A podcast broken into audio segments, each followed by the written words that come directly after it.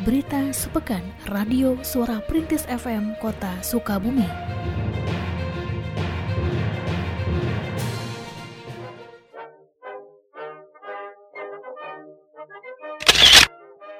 Pada hari kerja pertama di tahun 2021, Wali Kota Sukabumi Ahmad Fahmi melakukan pembinaan kepada seluruh satuan kerja perangkat daerah atau SKPD pada pemerintah Kota Sukabumi dalam apel virtual pada hari Senin 4 Januari 2021.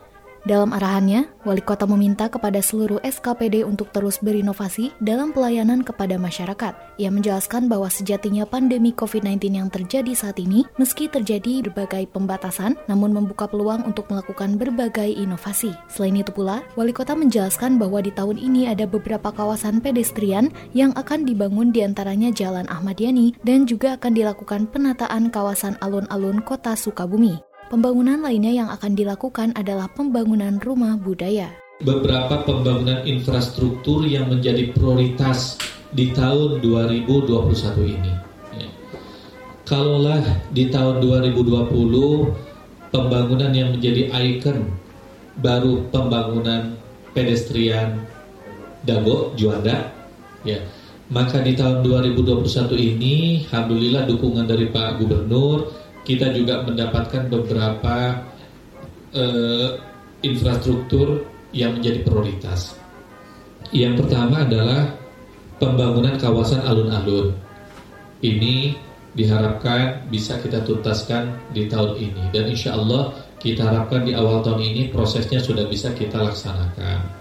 Kemudian pembangunan pedestrian di enam ruas jalan, ya ada enam ruas jalan yang kita akan tata pedestriannya menjadi pedestrian nyaman, menimbulkan indeks kebahagiaan bagi warga masyarakat. Di antaranya adalah pedestrian Ahmad Yani, kawasan Ahmad Yani.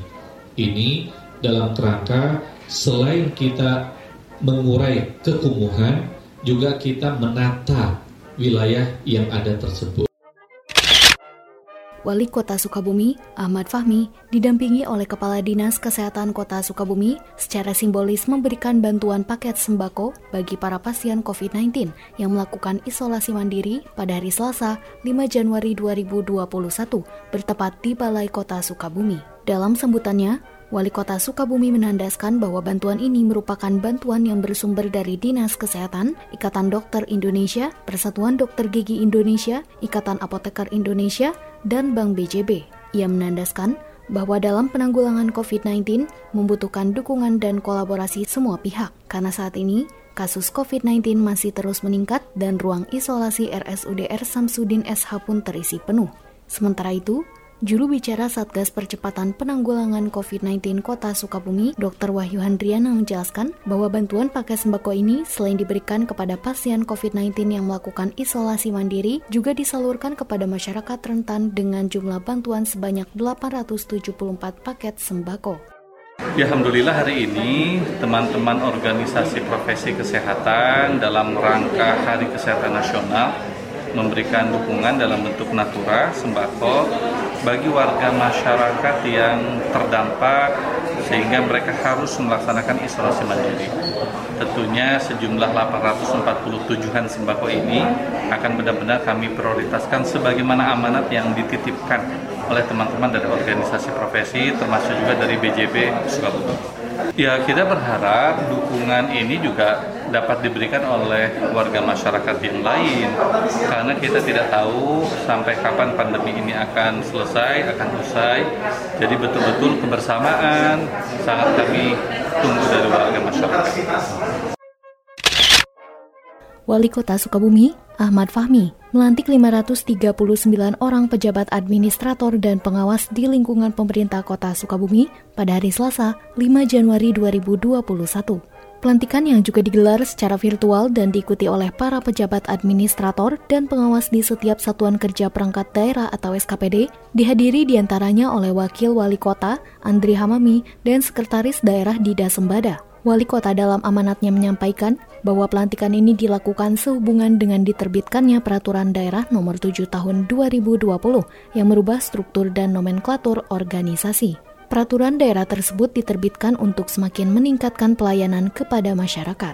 Wali kota juga menegaskan bahwa jabatan yang diemban agar dapat dilaksanakan sebaik-baiknya dan dijadikan sebagai sebuah kesempatan untuk meningkatkan ibadah kepada Allah Subhanahu wa taala. Silakan amanah yang telah diberikan. Jangan pernah menjadikan amanah yang diberikan ini yang telah dititipkan ini sebagai sesuatu yang kemudian tidak menambah kebaikan bagi diri. Ingatlah amalan yang diberikan sejatinya dalam rangka memperbanyak ibadah kita kepada Tuhan yang Maha Kuasa. Betul-betul maksimalkan amalan yang diberikan kepada kita. Kepala Dinas Kesehatan Kota Sukabumi, Dr. Rita Fitrianingsi mengatakan, saat ini sudah dilakukan persiapan tahap pertama pemberian vaksin COVID-19. Persiapan tersebut di antaranya telah melakukan pendataan kepada 68 fasilitas kesehatan untuk tempat melakukan vaksinasi. Pada tahap pertama, vaksin akan diberikan kepada para tenaga kesehatan dan penunjang kesehatan, Sejauh ini, menurut Kepala Dinas Kesehatan, pendataan para penerima vaksin dari tenaga kesehatan dan penunjang telah mencapai 80 persen. Adapun jumlah vaksin yang akan disalurkan pada tahap pertama di kota Sukabumi mencapai sekitar 4.000 lebih dan pelaksanaan vaksinasi secara nasional akan dimulai pada tanggal 13 Januari 2021. Tadi sudah dilaksanakan rakornas ya tentang pelaksanaan imunisasi COVID-19 dan rencana di tingkat nasional akan dilakukan pencanangan tanggal 13. Jadi langsung yang akan divaksin adalah Bapak Presiden. Kemudian diikuti nanti tanggal hari berikutnya di tiap uh, provinsi. Nah untuk kabupaten kota nanti kita menyesuaikan dengan jadwal provinsi. Nah untuk saat ini kesiapan kota Sukabumi kita sudah melakukan pendataan uh, 68 vaskes yang akan melakukan apa vaksinasi kepada tenaga kesehatan dan penunjangnya. Karena memang tahap pertama ini uh, wave 1 atau gelombang satu ini ada dua tahap. Satu yang divaksin adalah petugas kesehatan dan penunjang, baik dari rumah sakit, UPT, klinik mandiri maupun klinik uh, apa namanya klinik ya jadi klinik mandiri klinik rumah sakit pemerintah rumah sakit swasta UPT kemudian yang kedua baru untuk TNI Polri. Itu masuknya kepada uh, wave 1 nah tahap pertama dilakukan untuk nakes kita sudah mendata sekarang sudah masuk ke SDMK melalui aplikasi itu sudah sekitar 80 persen.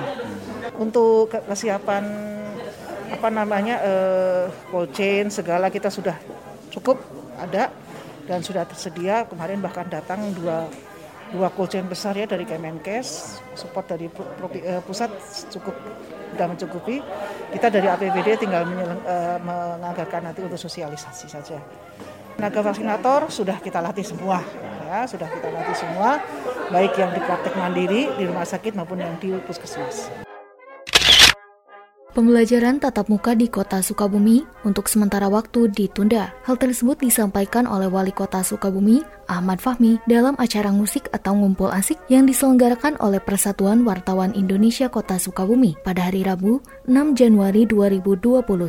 Wali Kota menandaskan bahwa ada 10 pertimbangan yang dijadikan penundaan sementara pembelajaran tatap muka, di antaranya jumlah kasus COVID-19 yang masih tinggi, angka kesembuhan di bawah rata-rata nasional, dan juga masih akan melakukan melakukan peninjauan sejauh mana efektivitas vaksin COVID-19. Kementerian Pendidikan dan Kebudayaan RI pada bulan November 2020 telah memberikan keleluasaan bagi setiap daerah untuk membuka pembelajaran tatap muka di sekolah mulai tahun 2021 dengan tetap memperhatikan kondisi penanggulangan COVID-19. Namun dalam prosesnya, beberapa daerah seperti kota Sukabumi menunda pembelajaran tatap muka. Ada 10 hal, di antara pertama angka eh, kematian yang lebih tinggi dari rata-rata nasional, kemudian angka kesembuhan jauh lebih rendah dibandingkan rata-rata nasional, kemudian juga eh, positivity rate di kota Sukabumi ini melebihi yang telah ditetapkan oleh WHO. Kemudian juga di antaranya kita ingin melihat efektivitas vaksin seperti apa. Kota Sukabumi mendapatkan kuota 17.000 vaksin pada gelombang pertama vaksinasi dari mulai bulan Januari sampai dengan Maret 2021. Hal tersebut disampaikan Wali Kota Ahmad Fahmi seusai acara musik yang diadakan oleh Persatuan Wartawan Indonesia Kota Sukabumi pada hari Rabu 6 Januari 2021. Ia menambahkan bahwa pelaksanaan vaksinasi sesuai arahan pemerintah pusat akan dilaksanakan paling lambat satu minggu setelah pelaksanaan vaksin di pemerintah pusat yang dijadwalkan dilaksanakan pada tanggal 13 Januari mendatang. Saat ini kita dapat jatah 17.000 di gelombang pertama. Dapat 17.000 eh, setelah itu periode pertama ya. Periode pertama Januari sampai dengan Maret. Nanti periode sasarannya pertama nakes kedua pelayan publik. Itu. Kemudian lansia yang diyakini sehat. Ya saya yakin ketika pemerintah eh, merekomendasikan tentunya pemerintah sudah menjamin ini adalah aman. Eh, ada beberapa informasi termasuk juga arahan dari kementerian, warga tidak boleh menolak untuk vaksin. Uh, dalam hal ini dinas kesehatan sebagai leading sektornya mereka telah mendapatkan arahan-arahan secara teknis. Ya. Rencana kapan Pak untuk Kota Sukabumi pelaksanaan pertamanya? Kita tanggal? nunggu kalau dari pusat itu kan tanggal 13 ya, tanggal 13. Nanti uh, arahannya tidak boleh tidak lebih dari satu minggu setelah prof, setelah pusat melaksanakan. Dalam mempermudah pelayanan posyandu, kelompok kerja operasional posyandu atau Pokjanal Posyandu akan meluncurkan aplikasi Pokjanal Posyandu. Sebagai persiapan peluncuran aplikasi tersebut, Pokjanal Posyandu Kota Sukabumi mengadakan rapat koordinasi pada hari Jumat 8 Januari 2021 di Dinas P2 KB P3A Hadir dalam kesempatan tersebut Ketua TPPKK Kota Sukabumi Hajah Fitri Hayati Fahmi dan Ketua Pokjanal Posyandu yakni Asisten Daerah Bidang Perekonomian dan Pembangunan Cecep Mansur. Dijelaskan oleh Ketua Pokjanal Posyandu bahwa aplikasi ini bertujuan untuk mempermudah pelaporan dan pencatatan semua kegiatan secara langsung. Aplikasi ini akan menghubungkan semua kader posyandu yang berada di wilayah kota Sukabumi kita akan e, mengeluarkan aplikasi untuk kegiatan Dana Posyandu di tingkat Kota Sukabumi. Jadi aplikasi ini ini, ini untuk memudahkan pencatatan ya. Jadi e, semua kegiatan-kegiatan yang ada di Posyandu dari mulai dari, dari semua Posyandu yang ada di kota ini bisa e, melaporkan secara langsung. Jadi tidak tidak menggunakan lagi kertas. Jadi langsung aja ketika ada penimbangan jumlah berat badan atau jumlah balita dan sebagainya itu langsung dimasukkan dengan kondisi-kondisi kesehatannya dan semuanya langsung eh, pada kegiatan posyandu misalkan itu di apa kegiatan tersebut maka pencatatan untuk semua bayi yang di bawah 60 bulan itu bisa dicatatkan kemudian bisa dilaporkan langsung pada posyandu masing-masing. Dan ini uh, hasil laporan ini langsung uh, terbaca dengan aplikasi ini. Ini sangat mudah dan ini memudahkan sekali untuk kegiatan-kegiatan uh, posyandu.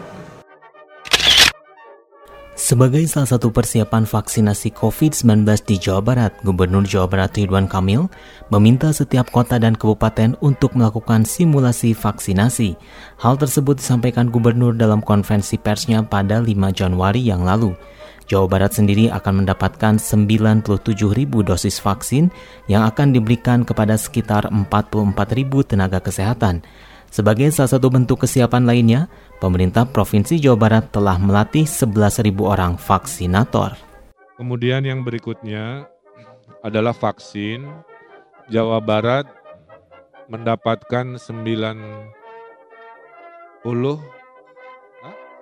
97 ribu dosis tahap 1 karena satu orang dua dosis maka kurang lebih 44 ribu ya 44 ribu tenaga kesehatan yang akan dipilih untuk dua kali penyuntikan di minggu ketiga bulan Januari ini. Vaksinator atau orang yang menyuntik Tadinya hanya seribu orang, sekarang kami latih total menjadi sebelas ribu orang. Jadi Alhamdulillah Provinsi Jawa Barat siap eh, 10 kali lipat mungkin ya lebih sehingga kita akan berlimpah tim yang menyuntikan vaksin.